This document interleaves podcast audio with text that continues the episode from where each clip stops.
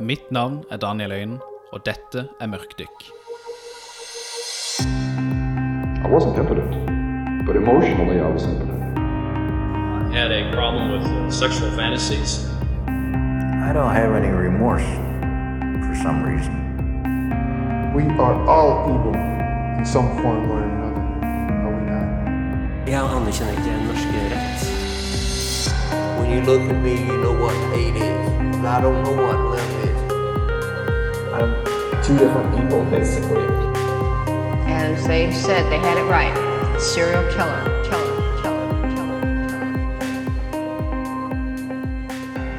Hallo, alle sammen, og velkommen til episode seks av Mørkdykk.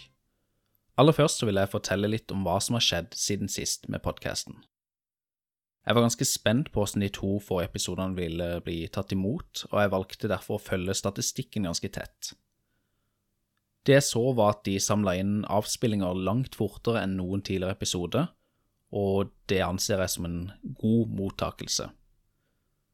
På julaften så var jeg litt sånn tilfeldig innom den såkalte trending-lista på Spotify. Dette er en liste som viser de mest populære podkastene eller artistene eller hva enn det måtte være, akkurat den dagen. Og der fant jeg faktisk Mørkdykk på åttendeplass, og på vei oppover i tillegg. Videre i løpet av romjula så klatra Mørkdykk helt til fjerdeplass på denne lista, og det syns jeg var utrolig kult å se.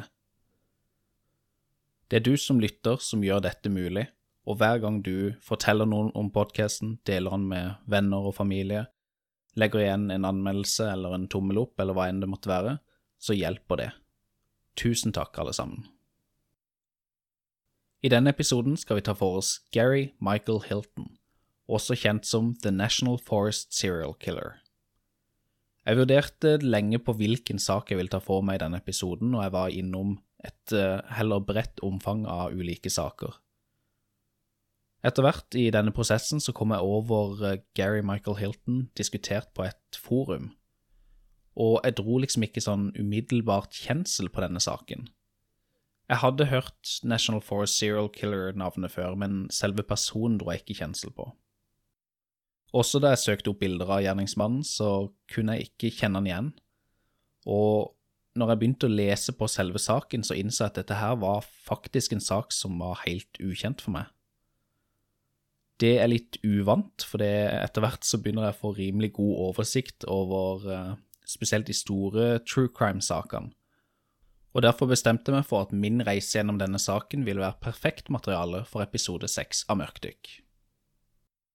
Før vi kan begynne ordentlig på selve episoden her, så syns jeg det er nødvendig å ta en liten gjennomgang av kildematerialet til denne episoden.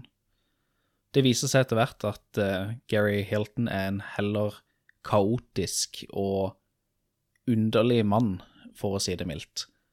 Han forholder seg ikke helt kronologisk til sin egen historie, og prater på en veldig kaotisk måte. Det som har vært en enorm hjelp i denne episoden, er en tidslinje for uh, hele hans liv, egentlig, som er lagd av Michelle Harrell, Melissa Register og Billy Sakrzewski, tror jeg det uttales. De er fra Department of Psychology på Radford University. Det har vært en utrolig stor hjelp. Jeg har jo brukt boka At the Hands of a Stranger av Lee Butcher. Jeg ser at den får varierende anmeldelser, men det har vært en forholdsvis god kilde på mye informasjon jeg bruker her i dag. Og sist, men ikke minst, så bruker jeg Trails of Death, The True Story of the National Forest Serial Killer av Fred Rosen. Og det er spesielt den sistnevnte her jeg har lyst til å bruke litt tid til å prate om. Ifølge en del anmeldelser, og basert på det jeg sjøl har erfart med denne boka, så ser jeg at Fred Rosen har et litt løst forhold til sannheten av og til. Han kommenterer på et tidspunkt hva et drapsoffer tenkte i selve dødsøyeblikket. Og det sier seg sjøl at det er faktisk helt umulig å vite. I tillegg så har han en del hypoteser eller sånne halv, halvsannheter underveis, da, hvor han prøver å forklare hvordan ting henger sammen rundt Gary Hilton. Og måten han gjør det på, er veldig spesiell av og til, syns jeg. Jeg kommer derfor til å påpeke en del ganger underveis i episoden når jeg konkret henter påstander fra Fred Rosen sin bok. Det syns jeg er viktig å ha på plass, sånn for ryddighetens skyld her.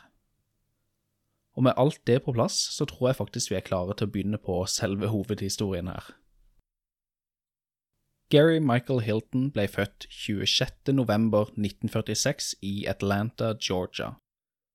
Han var det eneste barnet til William E. Hilton og Cleo M. Reynolds. Det ser ut til at Garys far, William, forlot familien forholdsvis tidlig, og mora ble etter hvert sammen med en mann som het Nilo the Bag, som altså omtales videre som Garys stefar. Vi har dessverre ikke noe sammenhengende narrativ eller tydelig framstilling av Garys barndom, men det lille vi vet, tegner et heller mørkt bilde, og flere kilder viser til at Gary hadde en vanskelig barndom. På et eller annet tidspunkt i barndommen så skal Gary ha sagt til en barndomskjæreste at han og mora hadde et incestuøst forhold, altså at han ble seksuelt misbrukt av sin mor. Han hadde òg et veldig dårlig forhold med sin stefar, og følte at stefaren hadde tatt mora ifra han. Det blir nevnt at stefaren utsatte Gary for psykisk vold, uten at vi vet noen av detaljene rundt dette. Da Gary var 13 år gammel, så fikk han tak i et våpen på et eller annet vis, og skjøt sin stefar. Stefaren ble skadd, men overlevde, og utrolig nok så valgte han å tilgi Gary for denne episoden, selv om han kunne ha anmeldt. Den episoden førte til at Gary ikke fikk lov til å bo hjemme til enhver tid, og i tillegg så måtte han tilbringe tid på et psykiatrisk sykehus. Vi vet dessverre ikke hva slags type oppfølging han fikk på denne avdelinga, men jeg tror det er rimelig å anta at det foregikk en form for behandling og en utredningsprosess. Ellers fra barndommen så vet vi at Gary på et eller annet tidspunkt var involvert i en ulykke knytta til en såkalt Murphy-bed, dette er en seng som kan brettes opp mot veggen når den ikke er i bruk, sånn at den tar mindre plass. Det er altså en ramme som skrus fast i veggen. Det er ukjent for meg hva som faktisk har skjedd, men jeg regner med at han har ramla mot denne senga på et vis, kanskje klatra på han for alt jeg vet. Og dette fallet førte til at han ble delvis skalpert og måtte sy 200 sting og ha et opphold på sykehus før han kom seg igjen. Senere rettsdokumenter viste til at Gary hadde en form for hode- og- eller hjerneskade i løpet av oppveksten, og jeg er usikker på om det er denne episoden, men jeg synes det virker som det. Og Grunnen til at jeg nevner dette her spesifikt, er fordi at rimelig mange seriemordere ser ut til å ha en historikk som inneholder en eller annen form for hjerneskade eller hodeskade. Det så vi et eksempel på i episode tre med Haddon Clark, som hadde gjentatte skader mot hodet på ulike tidspunkt i løpet av sin oppvekst og sitt liv. Utenom alt det mørke så beskrives Gary som en forholdsvis attraktiv og smart ung mann. Han hadde innledningsvis gode karakterer på skolen, men etter hvert så begynte han å miste interessen, og karakterene begynte å dale. Han hadde flere gode venner og spilte på et tidspunkt i et band, hvor det blir beskrevet at han hadde et reelt og genuint talent, og at han kunne komme langt hvis han ville. Gary ble òg på et eller annet tidspunkt IQ-testa til 120. Jeg regner med dette her har sammenheng med diagnostiske utredninger på et tidspunkt senere i livet, og det man kan si om dette, er jo at han ligger over gjennomsnittet i befolkninga, men ikke på geninivå. Fred Rosen, eksempel, hevder at Gary Hilton er et geni, og selvfølgelig litt etter hvilken målestandard du bruker, men, men vanligvis vil ikke 120 tilsvare geninivå. I 1963 gikk 17 år gamle Gary Hilton inn i militærtjeneste i den amerikanske hæren.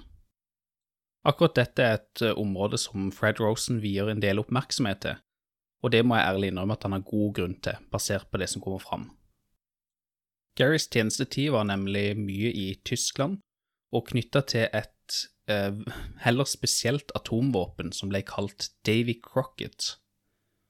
Dette var en såkalt rekylfri kanon, som var designet for å avfyre datidens minste atomstridshode. Rent visuelt så ser egentlig dette mest ut som en slags forvokst eksospotte som står på tre bein, hvor det er montert en klassisk sånn tegnefilmaktig rakett foran. Våpenet er flyttbart for vanlige soldater, og det var altså et team rundt dette våpenet som skulle betjene det og avfyre det. Tanken var at én Davy Crocket kunne bytte ut rimelig mange artillerikanoner, og spesielt den tyske hæren hadde ganske stor interesse i dette våpensystemet. Hvis jeg leser tallene riktig, så har det som jeg antar var førsteutgaven av våpenet, en rekkevidde på ca. to kilometer, og en umiddelbar dødelig radius på 150 meter ved detonasjonen. Det var òg en antatt rekkevidde på omkring 400 meter for umiddelbar eksponering for det som sannsynligvis vil være en dødelig mengde stråling. Allikevel så ble dette våpenet sett på som upresist og heller farlig i bruk for den som avfyrte. I sin bok bemerker Fred Rosen at det var kanskje litt rart at Gary Hilton kunne få sin tjenestetid knytta til datidens minste atomvåpen, med tanke på sin historikk knytta til drapsforsøk på sin stefar og innleggelse på psykiatrisk avdeling. Alle soldatene måtte gjennom en psykologisk screening, men denne har altså Gary kommet seg gjennom uten problem. Til tross for dette så begynner Gary å slite alvorlig psykisk i løpet av sin tjenestetid. Han begynner etter hvert å høre stemmer, og bryter til slutt fullstendig sammen mentalt. Dette fører til et nytt opphold på psykiatrisk sykehus, hvor han blir behandla med antipsykotisk medisin. Han får diagnosen paranoid schizofreni, og av dette så blir han løst fra sin tjenestetid i hæren i 1967, 21 år gammel. Han får en såkalt honorable discharge fra militæret, altså blir det ikke bemerka noen form for avvik ved hans tjenestetid. I sin bok så setter Fred Rosen fokus på det antatte mentale stress, eller den psykiske belastninga over tid ved å tjenestegjøre knytta til dette veldig farlige atomvåpenet. Fred sier at det å avfyre dette våpenet vil være et selvmordsoppdrag i seg sjøl, og er litt usikker på det basert på de tallene jeg har funnet rundt selve våpensystemet. Jeg for min del syns det virker litt mer sannsynlig at det var Garys historikk og hans fortid som begynte å innhente han på dette stadiet i livet, og at selvfølgelig belastninga ved å tjenestegjøre i, på den måten han gjorde, ikke akkurat gjorde noe bedre.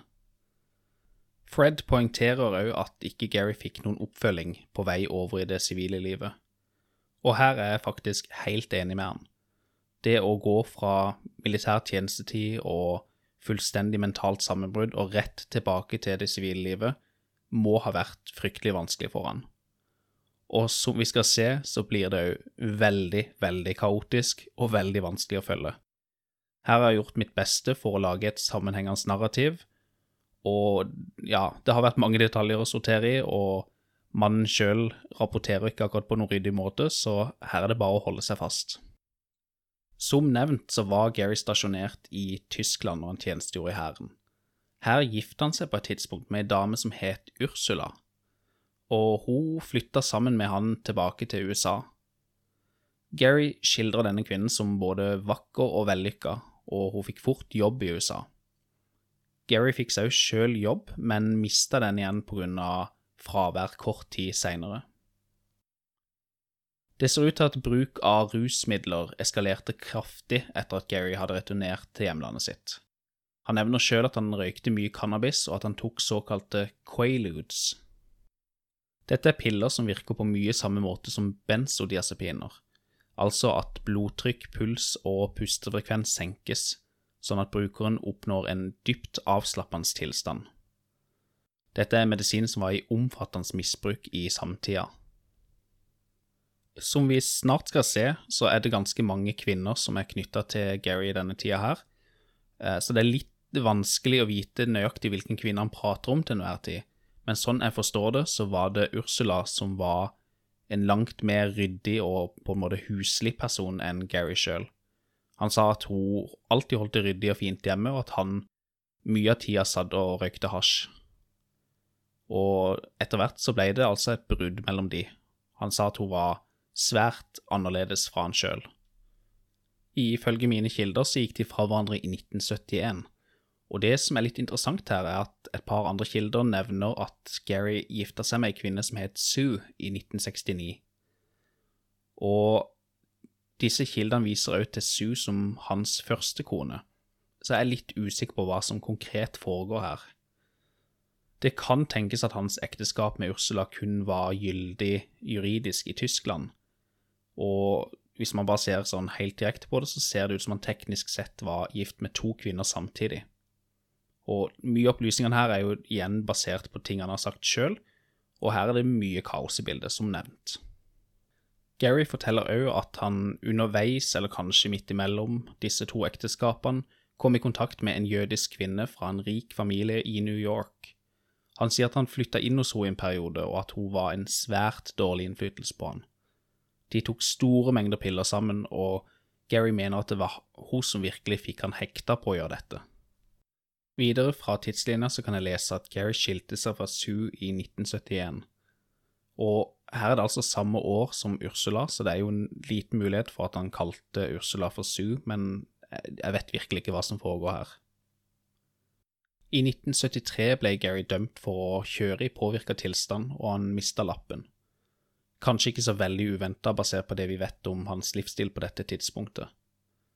Det er vanskelig å skape et eh, godt sammenhengende narrativ om tida mellom 1973 og 1977, men Gary sier sjøl at han var full mye av tida, og at han tjente penger på ulike økonomiske svindler. I 1977 sier Gary at han fikk påvist svært høyt blodtrykk.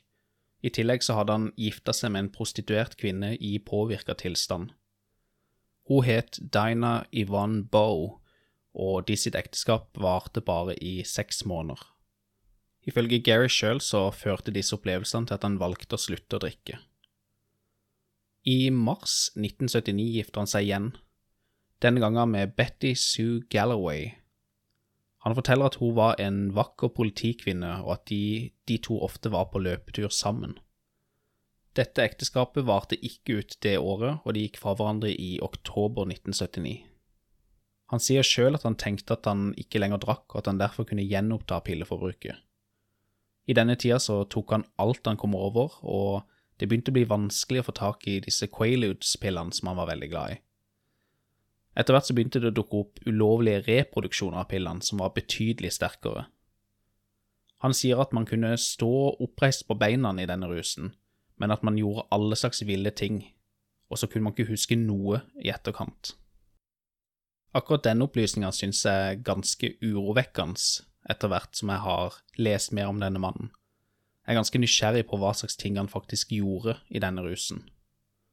Han forteller at han finansierte sitt forbruk av rusmidler ved hjelp av ulovlig telefonsalg.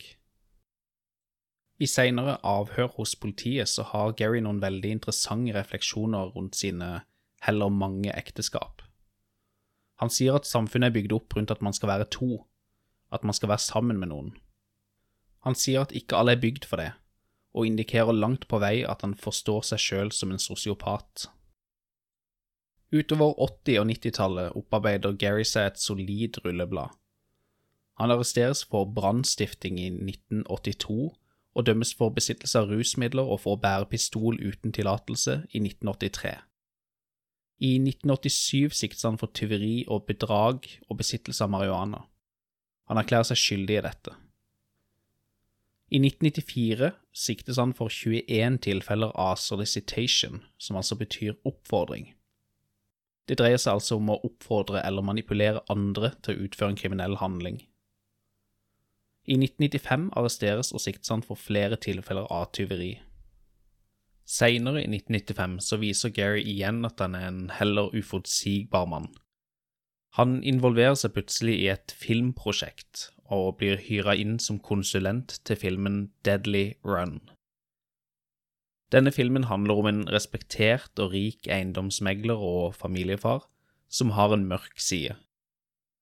Han bortfører kvinner og tar de med seg privatflyet sitt til en avsideliggende hytte. Her slipper han kvinnene fri, for så å jakte på de og ta livet av de i villmarka. Jeg var ganske nysgjerrig på nøyaktig hva slags konsulentfunksjon Gary hadde i produksjonen av denne filmen, og ifølge et par av de kildene jeg har klart å finne, så tok Gary mye initiativ og kontroll i prosessen.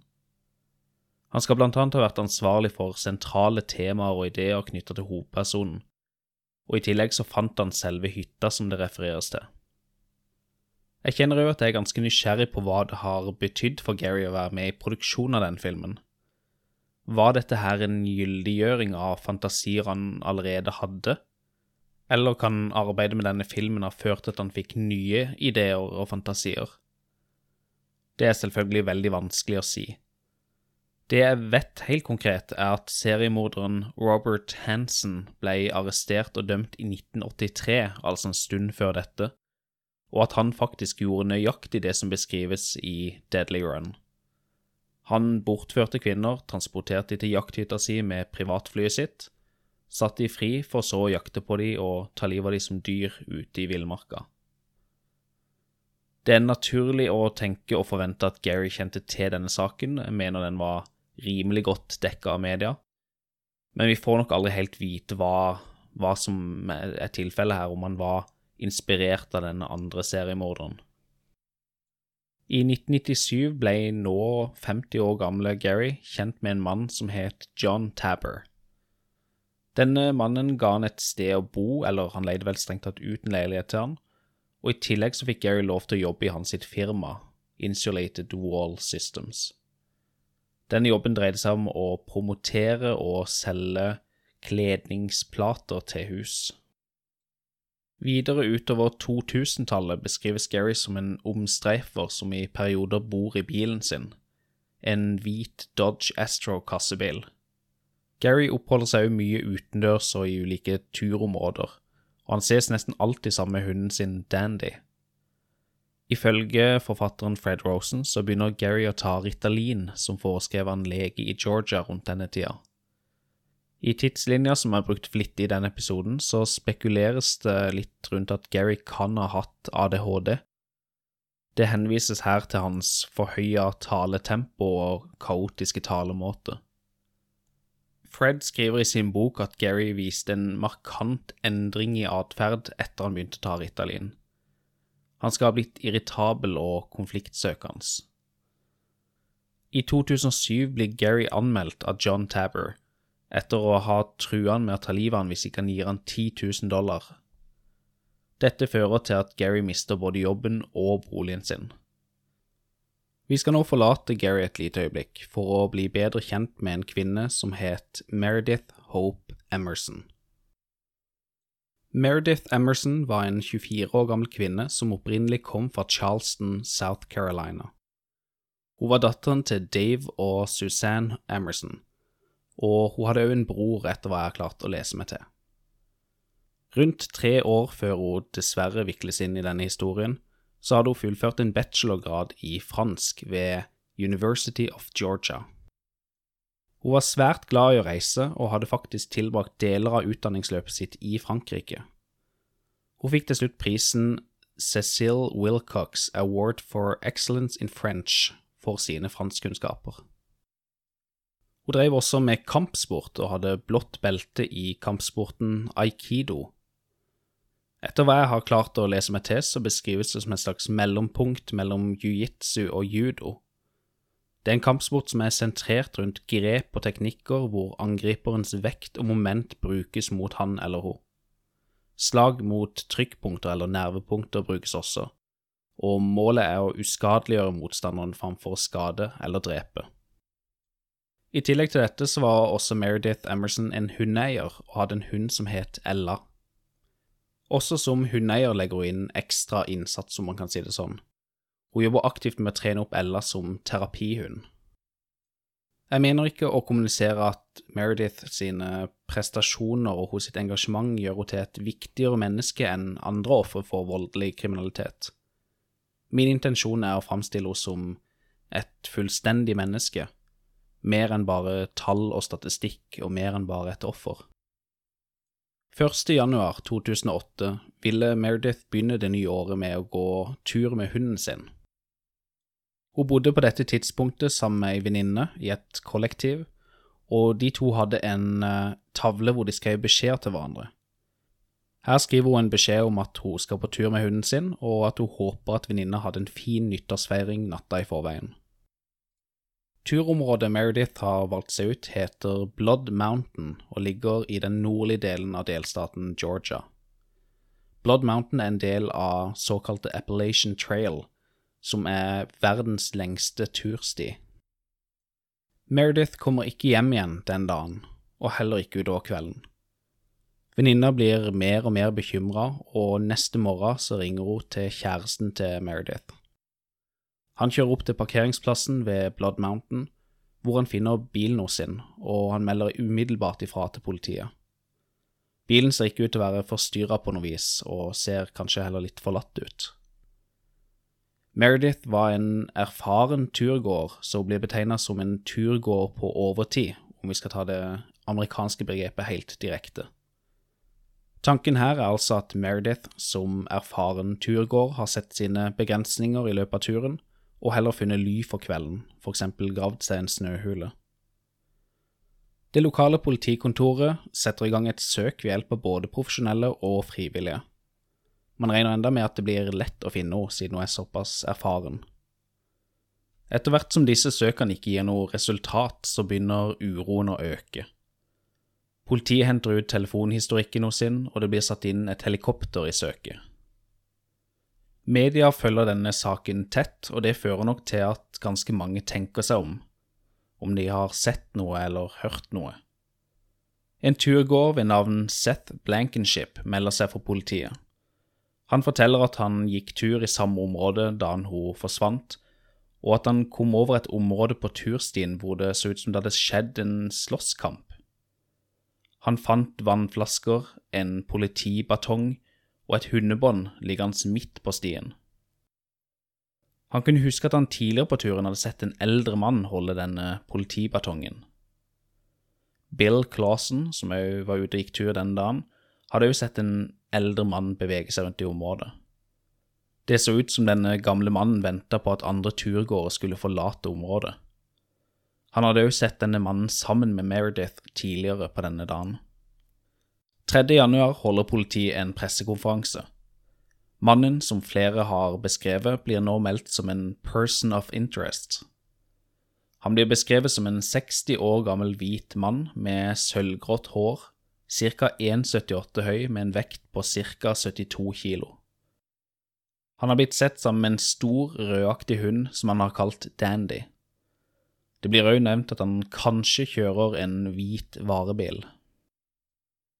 John Tabber, som vi tidligere ble kjent med, ser denne pressekonferansen på TV og drar kjensel på beskrivelsen.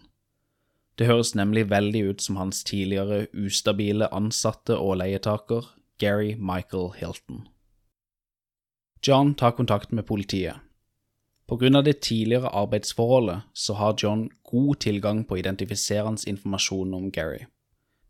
Allerede samme kveld som politiet holder sin pressekonferanse, kan de sende ut en såkalt bolo til alle politibetjenter.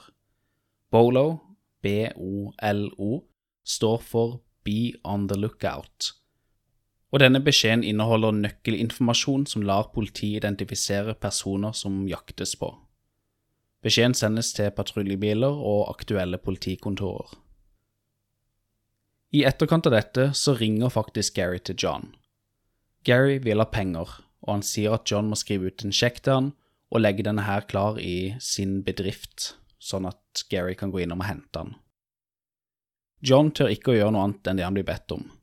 Han er redd for at Gary vil skade han og kanskje til og med familien hans sin. Han melder dog ifra til politiet og håper at de vil være klar til å arrestere Gary når han går innom for å hente sjekken. Når politiet dukker opp, så har Gary allerede vært innom og henta sjekken og dratt videre. I dette tidsrommet er det òg noen som gjør gjentatte forsøk på å komme seg inn på Meredith sin konto på ulike minibankterminaler. Samtlige av disse forsøkene skjer langt unna turområdet hvor hun er savna fra.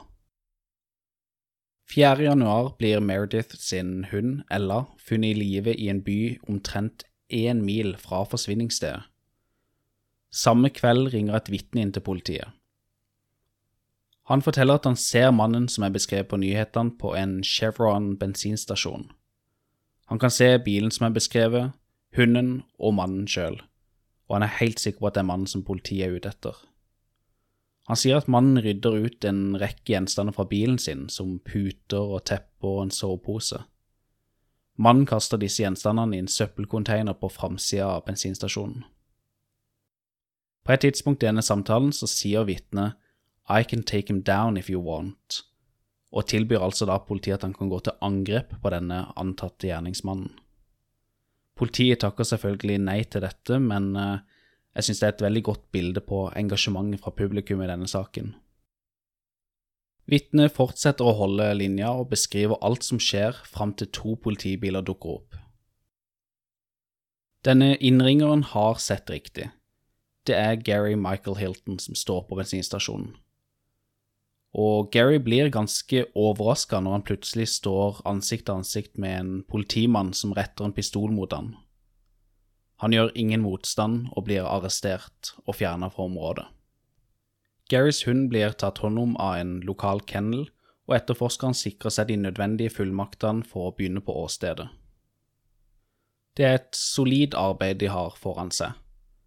Garys kassebil er full av tøy og matrester og generell søppel, og bærer preg av at han har bodd der over lengre tid. I tillegg må de gå møysommelig gjennom hele søppelkonteineren som Gary har dumpa flere gjenstander i.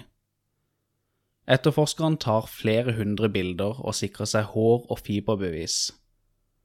I prosessen så kommer de over flere klesplagg og en sovepose som enda er dryppende våt av blod. Dette funnet alene fører til at flere av de involverte etterforskerne ville slite med mareritt og andre senvirkninger i tida framover. På vei inn på politistasjonen begynner Gary å vise rar oppførsel. Han blir plutselig helt slapp og nesten livløs og må bæres inn på politistasjonen. De får han til slutt med seg inn på et avhørsrom hvor han blir liggende med ansiktet ned på gulvet i flere timer. Han var i live, men så ut til å ha gått i vranglås på et vis. Dette var et kraftig brudd med mannens normale atferd, siden han vanligvis ville være energisk og snakka kaotisk, usammenhengende og konstant. Vi snakker ofte om fight, flight eller freeze som vanlige reaksjoner i møte med stress og farer, og dette her virker for meg som en slags freeze-reaksjon. Gary sier sporadisk til politimennene rundt seg at han trenger medisinen sin, som ligger i bilen. På en relativt nylig legekonsultasjon hadde han blitt diagnostisert med ADHD, fibromyalgi, kronisk utmattelsessyndrom og en autoimmun sykdom. Det nevnes i tillegg MS, multiple sklerose, men jeg er usikker på om dette er selvrapportert på et vis, eller faktisk diagnostisert.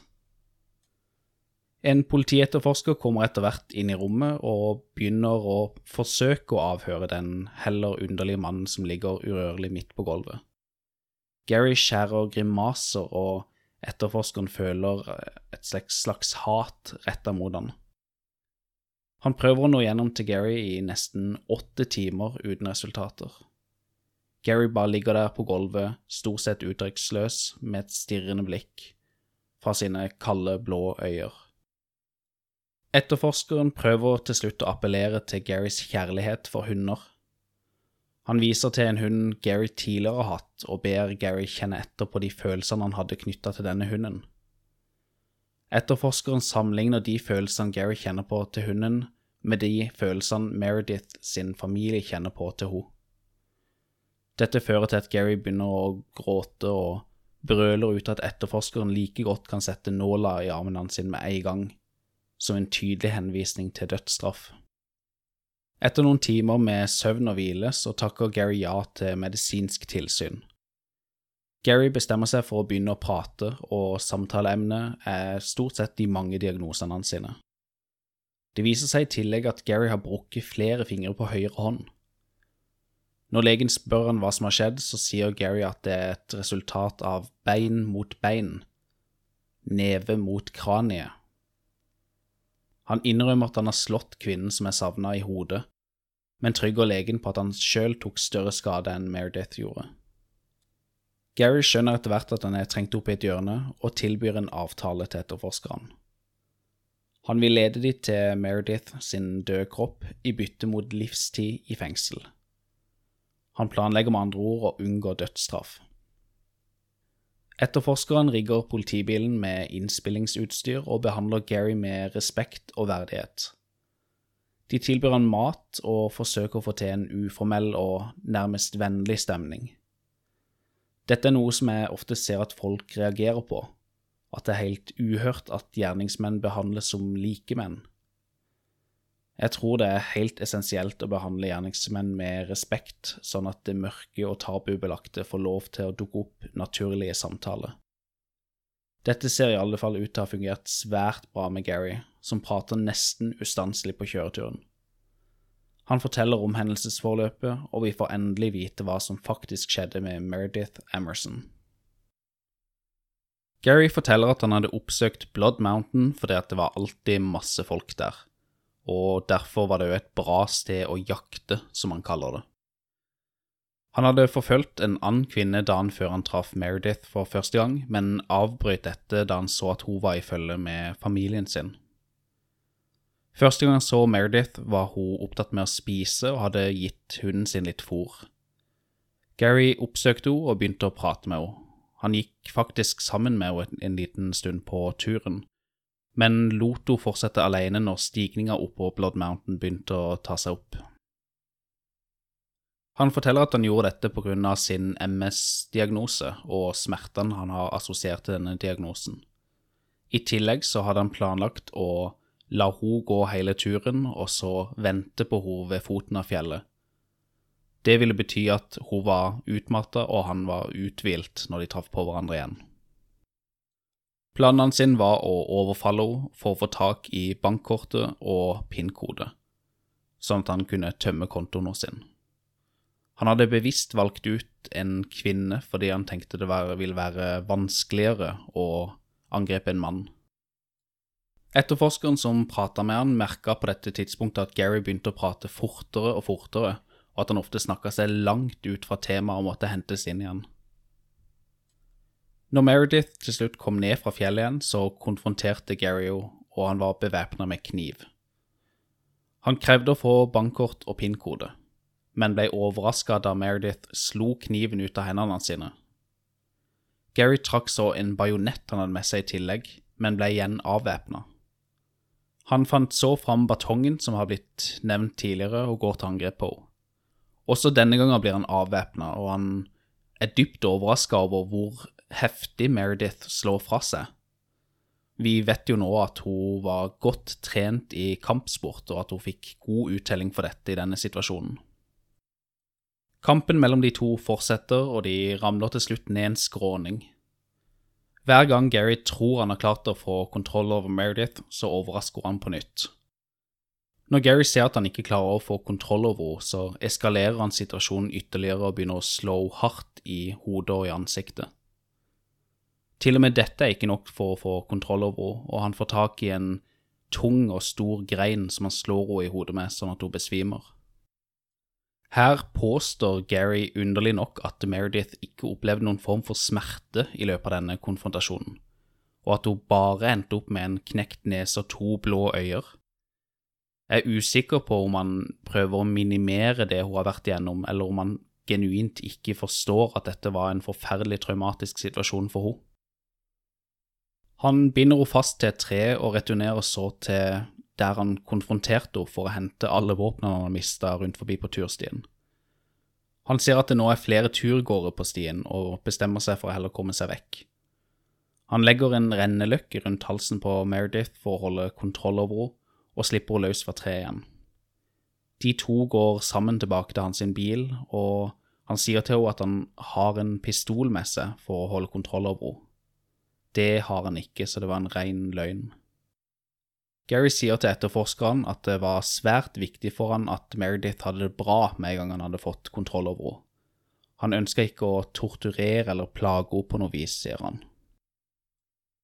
Han plasserer henne bak i kassebilen sin og lenker henne fast på et vis. Han setter hos sin hund i hos sin bil og kjører fra stedet.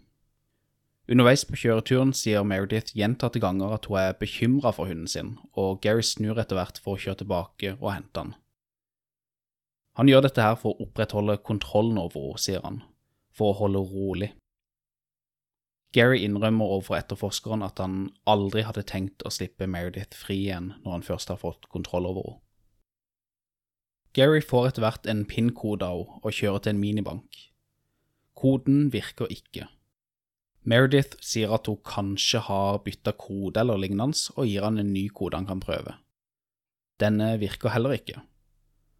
Hun sier at det av og til kan være vanskelig å få til med enkelte minibanker som tilhører spesifikke banker, og de kjører videre for å prøve andre steder. Forslagene hos sine fører etter hvert til at Gary kjører inn til Gainesville, som er en litt større by i området. Dette er en svært risikabel ting å gjøre, siden det sannsynligvis er flere folk der. Gary dekker til ansiktet sitt med et håndkle for ikke å bli plukket opp på kamera ved minibankene. Men dette gjør han samtidig langt mer suspekt dersom noen faktisk ser han.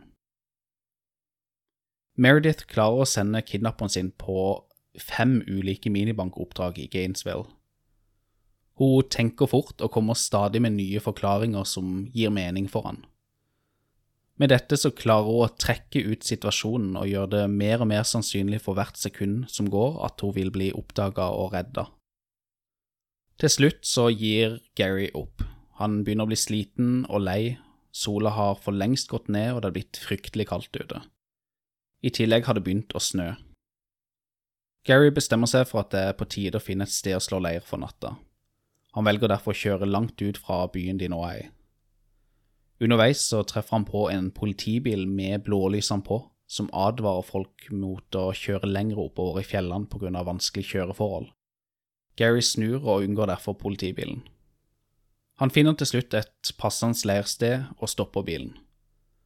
Han går bak til Meredith og konfronterer henne med at han har fått feil PIN-kode hele veien, og at hun har fått han til å kjøre rundt som en idiot i evigheter.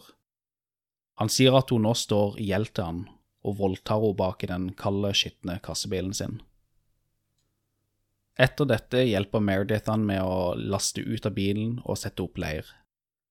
De to sover utendørs i hver sin sovepose. De tilbringer totalt to netter i denne leiren. På dagtid neste morgen så tar Gary med seg Meredith på lange turer. Han holder henne under kontroll ved å vise henne en luftpistol som han framstiller som et ekte, skarpt våpen. Han sier at han er en flink skytter, og at han vil skyte henne rett ned dersom hun prøver å rømme. Her avslører Gary igjen sin svært begrensa empati ved å si at Meredith hadde det hyggelig sammen med han, og at hun trivdes på disse lange turene. Han sier at hun kommenterte på hvor nydelig landskapet er, at hundene de sine hadde det fint sammen. Gary har nå gått helt tom for penger og begynner å ringe rundt for å få tak i mer. Jeg tror det er nå han ringer John Tabber fra tidligere for å kreve penger for han. I løpet av tida her så kjører han innom en by i nærheten hvor han slipper hunden til Meredith løs. Det er jo her hunden blir funnet seinere. Gary tar til slutt Meredith med seg enda dypere inn i skogen, til et nytt leirsted. Han forteller her at han binder Meredith fast til et nytt tre, og parkerer bilen sin et stykke unna. Han bærer ut en del turutstyr fra bilen og bort til dette leirstedet, og forsikrer seg om at Meredith ser dette. Han sier at han òg tar ut hos sine eiendeler og telefonen hos sin, og på en måte pakker dette sammen og indikerer at hun snart skal slippes fri. Han går tilbake til bilen sin og tenner opp et bål og brygger seg kaffe. Han forteller at han på dette tidspunktet var sterkt plaga av sine smerter knytta til MS-diagnosen. Han drikker kaffen sin og får samla seg litt, før han finner fram håndtaket til en jekk, altså en jernstang med et håndtak. Han holder denne jernstanga bak seg og returnerer til Meredith. Han gir henne en bok som hun kan lese, og går så bak henne, som for å slippe henne løs fra treet hun er bundet fast til. Men Gary slipper ikke Meredith løs. Han hever jekkhåndtaket og slår løs mot hodet sitt. Han fortsetter å slå til han er sikker på at hun er død. I sin beskrivelse av dette så vektlegger han igjen at han behandler henne fint og respektfullt på et vis. Det er en slags underlig oppfatning av omsorg bakt inn i dette. Jeg får en følelse av at han prøver å framstille dette drapet som et nærmest barmhjertighetsdrap, men han sier samtidig at etterforskeren vil finne defensive skader på Meredith sine hender, altså prøvde hun å skjerme seg Gary fjerner alt tøyet fra den døde kroppen og finner så fram en kjøkkenkniv. Han bruker kjøkkenkniven til å fjerne hodet fra kroppen. Han gjør dette for å gjøre like vanskeligere å identifisere dersom det blir funnet. Han forklarer seg i stor detalj rundt akkurat denne handlinga overfor etterforskeren. Han ser ut til å bagatellisere selve handlinga ved å snakke om selve kniven og åssen kniver som dette er utforma for å brukes til kutting i kjøtt. Han drar paralleller til matlaging og ser med det ut til å være fullstendig distansert fra det han faktisk har gjort. Gary bruker tid på å gjemme hodet og kroppen og blodig tøy rundt forbi området. Han tømmer klor over alt bevismateriale og kroppsdelene for å fjerne DNA-spor. Underveis i prosessen så treffer han på det han tror er en turgåer som har kjørt feil. Han innser etter hvert at dette er en politimann, men blir ikke avslørt i sine ugjerninger selv om kroppen ligger usikra bak i bilen hans. sin. Etterforskeren spør Gary hvordan det føltes å ta livet av Meredith, om det var vanskelig å drepe en kvinne som han hadde tilbrakt såpass mye tid sammen med. Gary svarer at det hele var surrealistisk, og at han opplevde det hele som en utenfor seg sjøl-opplevelse.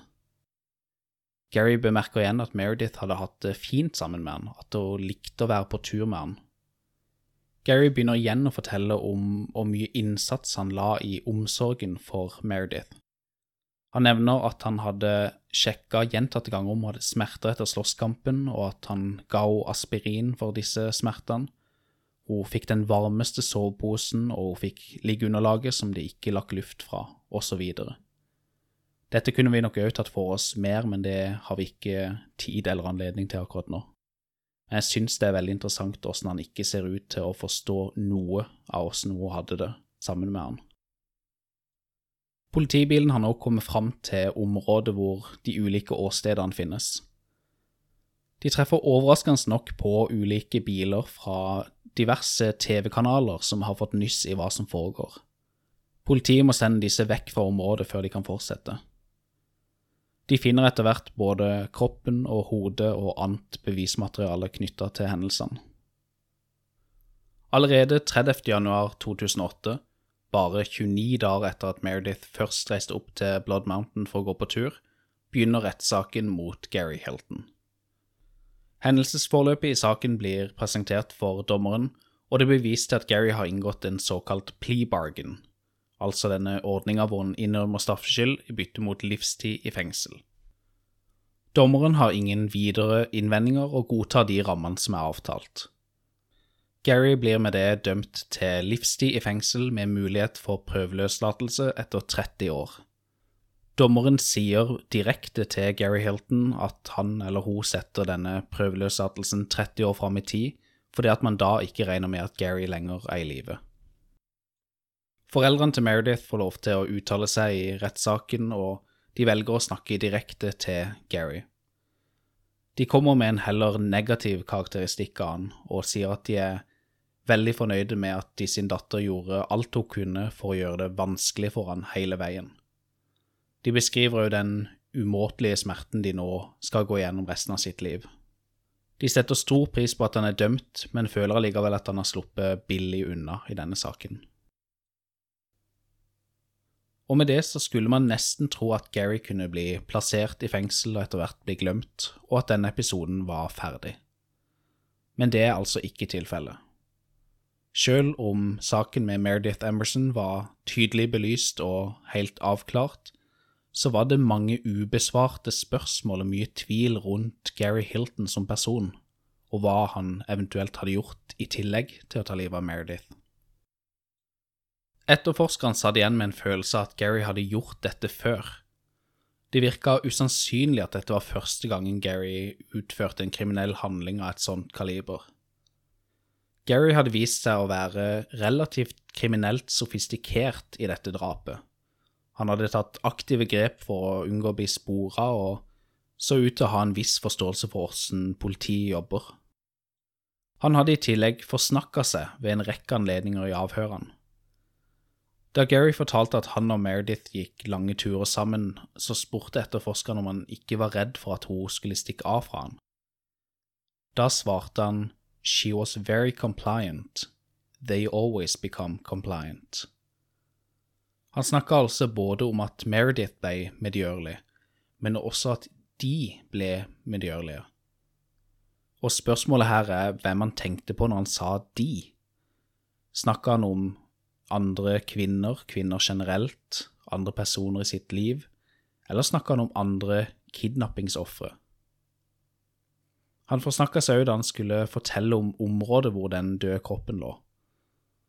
Han sa at det ikke ville være første gang det lå et lik i det området, uten at det var tydelig hva han tenkte på. Enkelte drapsmenn får tydelig et kick av å fortelle om ting de har gjort, og, og på en måte skape en mystikk i møte med etterforskeren. Gary Hilton slår meg ikke som en sånn type, og jeg tror genuint han bare forsnakka seg, at han snakka seg langt bort fra temaet og var fjern og lite til stede, og at han var litt uheldig med ordvalg og lignende. Jeg ender derfor opp med å tro at dette er det ene punktet hvor vi kan være takknemlige for at han har vært såpass kaotisk, ustrukturert og slitsom i samtale med etterforskeren. Akkurat dette med at Gary er såpass kaotisk i samtale, er noe jeg har referert til mange ganger i løpet av episoden. Jeg tenker derfor det kan være litt interessant å høre, og vil spille av et lite lydklipp fra et opprinnelig fire og et halvt timers langt avhør. Lydkvaliteten er dårlig, men jeg håper at det er mulig å få en liten feeling på åssen han er som person. There comes a point they fight and then they submit. Right. And a lot of it is because of me. Right. What do you mean? I reassure them. I reassure them that it's going to be okay, but just quit fighting or you're going to get hurt.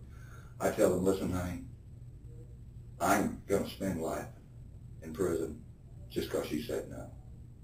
Akkurat her så hører vi åssen han sier han fikk kontroll over Meredith ved å forsikre om at det kommer til å gå fint. I tillegg så hører vi faktisk at han snakker om they og them, som om det er flere enn Meredith det er snakk om. Jeg vil spille ett lite lydklipp til, og dette her er bare noen få øyeblikk etter han har snakka om hvordan han fikk kontroll over Meredith. Shake and loose has done 18 times in 20,000 years. You don't think it's not going to do it again? They got that Okay. meteor coming. And when that shakes loose, it's a plus point nine. You got to understand, every point on the Richter scale is ten times Jeg beklager hvis det var litt intenst, men det er altså det etterforskeren gikk gjennom i fire og en halv time sammen med denne mannen. I dette lydklippet drev altså Gary og snakka ekstremt engasjert om bevegelser i kontinentalplater og jordskjelv og konsekvensene av det, uten at det helt er klart hva som faktisk er konteksten for at han snakker om det. Etter at Gary har blitt dømt, så fortsetter etterforskerne å gå gjennom bevismateriale og avhørsmateriale og alt som har kommet fram rundt han. De kan etter hvert knytte han til andre forsvinningssaker, og de skjønner at de har med en seriemorder å gjøre. Jeg vil nå ta en forholdsvis kort gjennomgang av andre saker han mer og mindre sikkert kan knyttes til. 1. desember 2007 forsvant 46 år gamle Cheryl Hodges Dunlap fra hjembyen sin i Florida. Denne dagen så hadde hun avtale om å spise middag sammen med ei venninne, men hun møtte aldri opp til denne avtalen. Hun møtte heller ikke opp i kirka neste morgen, som planlagt, og ei venninne reagerte på dette og oppsøkte hjemmet sitt. Der så hun at Cheryls hund var hjemme, men at bilen var borte. Cheryl ble meldt savna 3. desember, og bilen hennes ble funnet samme dag, ved siden av motorveien. Den sto litt inn mot skogen, og alle fire hjulene var punktert med bajonett. Veska hennes lå i bilen, men alt av penger og bankkort var borte.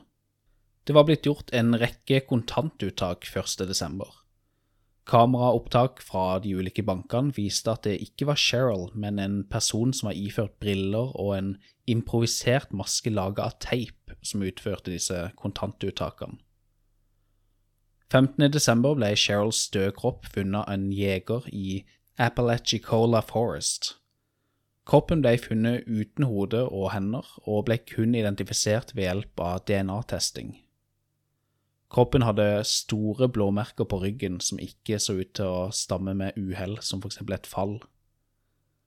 Det ble estimert at Cheryl hadde dødd mellom 5. og 8. desember, altså flere dager etter å ha forsvunnet. 9. januar 2008 ble restene av en hodeskalle og to hender funnet i en slags bålgrop litt over en mil fra der Cheryls kropp ble funnet. Av brannskader var det ikke mulig å hente ut DNA fra knoklene, men det virka svært sannsynlig at det var Sheryls hode og hender som ble funnet. En rekke vitner hadde observert og vært i dialog med Gary Hilton i samme område som Cheryl forsvant fra, akkurat rundt den tida hun forsvant. En kvinne fortalte at Gary hadde sagt til henne at hun ligna på Cheryl Dunlap, og at det var synd med kvinnen som hadde blitt drept.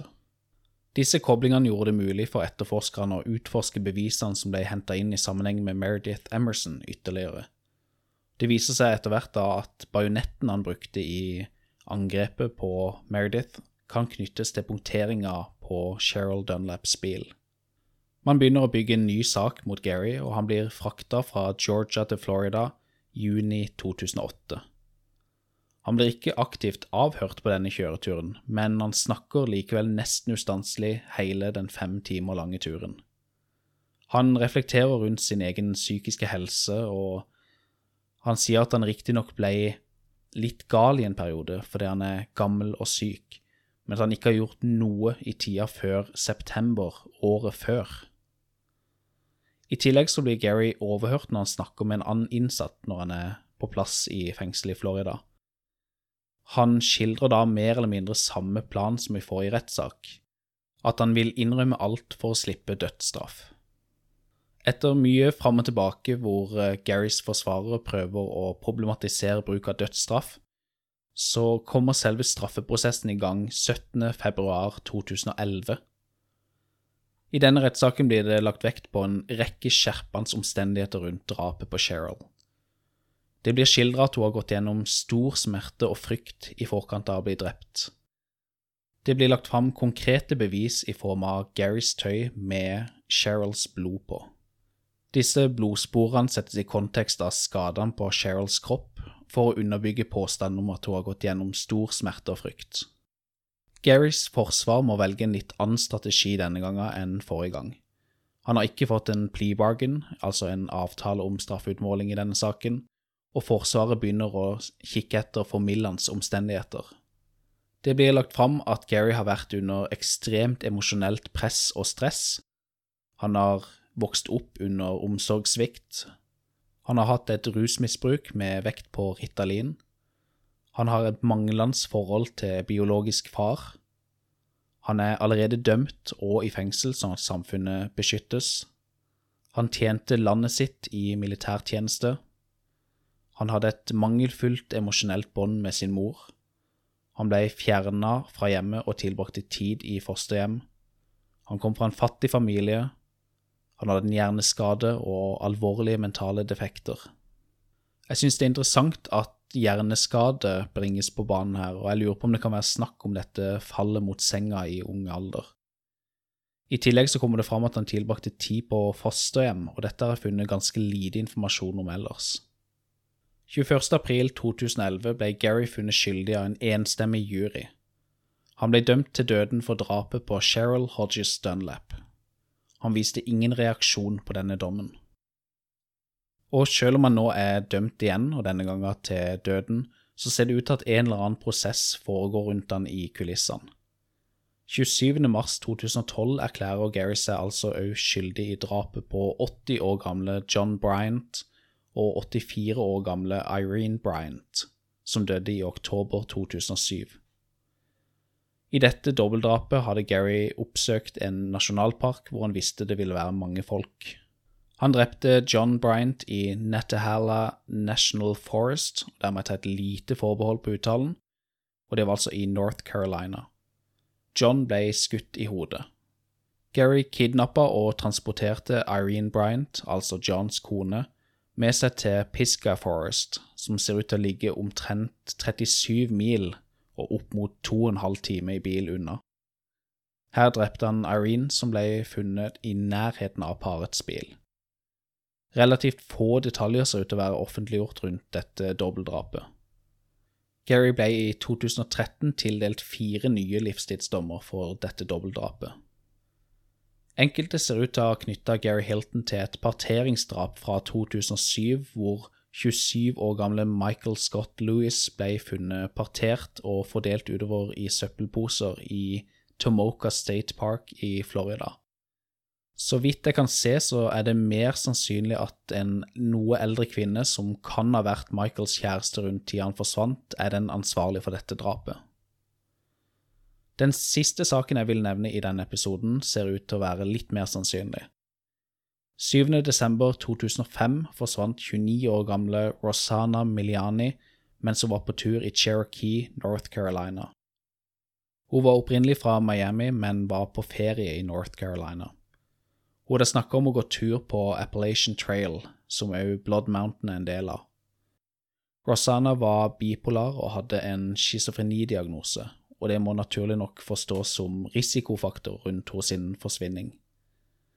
I 2009 kommer det ut opplysninger om at Rosanna ble observert på en butikk sammen med en eldre mann da hun forsvant.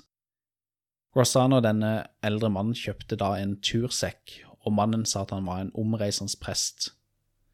Rosanna ble beskrevet som nervøs i hans sitt nærvær. Gary Hilton ser ut til å ligne på en fantomtegning av den mannen hun ble sett sammen med. Verken Rosanna eller eiendelene hos henne har blitt funnet, og saken regnes enda som uløst. Gary Michael Hilton sitter enda på death row for drapet på Cheryl Dunlap, og det er ikke mulig for han å prøveløslates i denne sammenhengen. Dødsstraffen i USA er et kontroversielt emne som diskuteres mye, så det er ikke garantert at dødsstraffen hans vil kunne fullbyrdes. I tillegg så er det usannsynlig at han blir gammel nok til å rekke sin egen dødsstraff, med tanke på hans generelle helsetilstand. Jeg tror og håper at etterforskeren opprettholder dialogen med Gary, og at alt av tilgjengelig bevismateriale gjennomgås møysommelig. Det virker for meg som denne mannen har vært kriminelt aktiv i svært lang tid, og jeg blir ikke overraska om det kan knyttes flere drap til han. Han har reist mye og kan knyttes til mange stater. Det faktum at han har bodd både utendørs og i bilen sin, gjør det vanskelig å spore han i perioder. Mot slutten av prosessen med denne episoden her, så kom jeg over en blogg som skrev litt mer om Garys rolle i produksjonen av Deadly Run, altså filmen fra 1995 som vi tok for oss tidligere i episoden. Ifølge denne bloggen ligger hytta som Gary skaffa som location til filmen, i underkant av fem mil fra der han drepte Meredith. Og jeg klarer ikke helt å tenke at dette ikke har noen form for betydning. Jeg lurer på om det finnes uoppdagede lik andre steder som har hatt betydning for Gary på et eller annet vis, men jeg er dessverre usikker på om vi får noe svar på akkurat det. Og med det setter vi punktum for episode seks av Mørkdykk. Dette har vært en veldig spennende sak å utforske, og jeg håper at reisen har vært givende for deg som lytter òg. Jeg syns det er overraskende at denne saken ikke genererer mer interesse og blir prata mer om, og jeg håper at eventuelle uoppklarte saker kan oppklares i årene framover. Husk å følge Mørkdykk på Facebook, gi en tommel opp, legg igjen en anmeldelse, og viktigst av alt, del podkasten med kjente og kjære. Takk for at du lytter til Mørkdykk. Vi ses i neste episode.